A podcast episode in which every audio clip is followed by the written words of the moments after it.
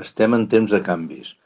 La tecnologia, en totes les seves formes, ara també amb el desenvolupament de la intel·ligència artificial, ha provocat uns canvis generals a la societat.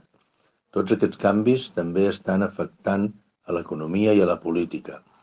Ens trobem amb una geopolítica que dibuixa un món multipolar en el que els Estats Units, encara hegemònic, sobretot en capacitat militar i també econòmica, i per altra part emergeix la Xina, cada vegada més consolidada en el seu rol de segona potència econòmica, amb permís de la Unió Europea.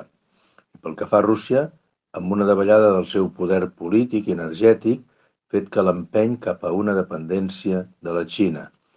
I pel que fa a la Unió Europea, seguim sent una potència econòmica que genera prop del 20% del producte interior brut mundial, però som encara un nan polític i militar. Si a tot això hi afegim els reptes que tenim sobre la taula, com són els canvis tecnològics, la sostenibilitat del planeta, les desigualtats econòmiques, la gestió dels recursos energètics, l'evolució de la demografia i les debilitats de la democràcia vers l'autoritarisme, observem que ens endinsem a una geoestratègia basada en la multilateralitat, en la que la majoria de reptes són d'abast mundial i que, per tant, necessiten de la col·laboració i consens de tots els estats del planeta.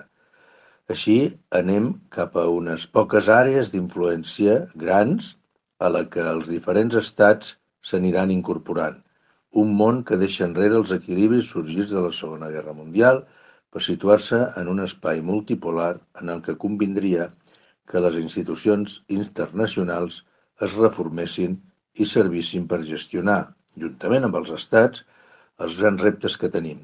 Si ho aconseguim, tothom en dirà bé.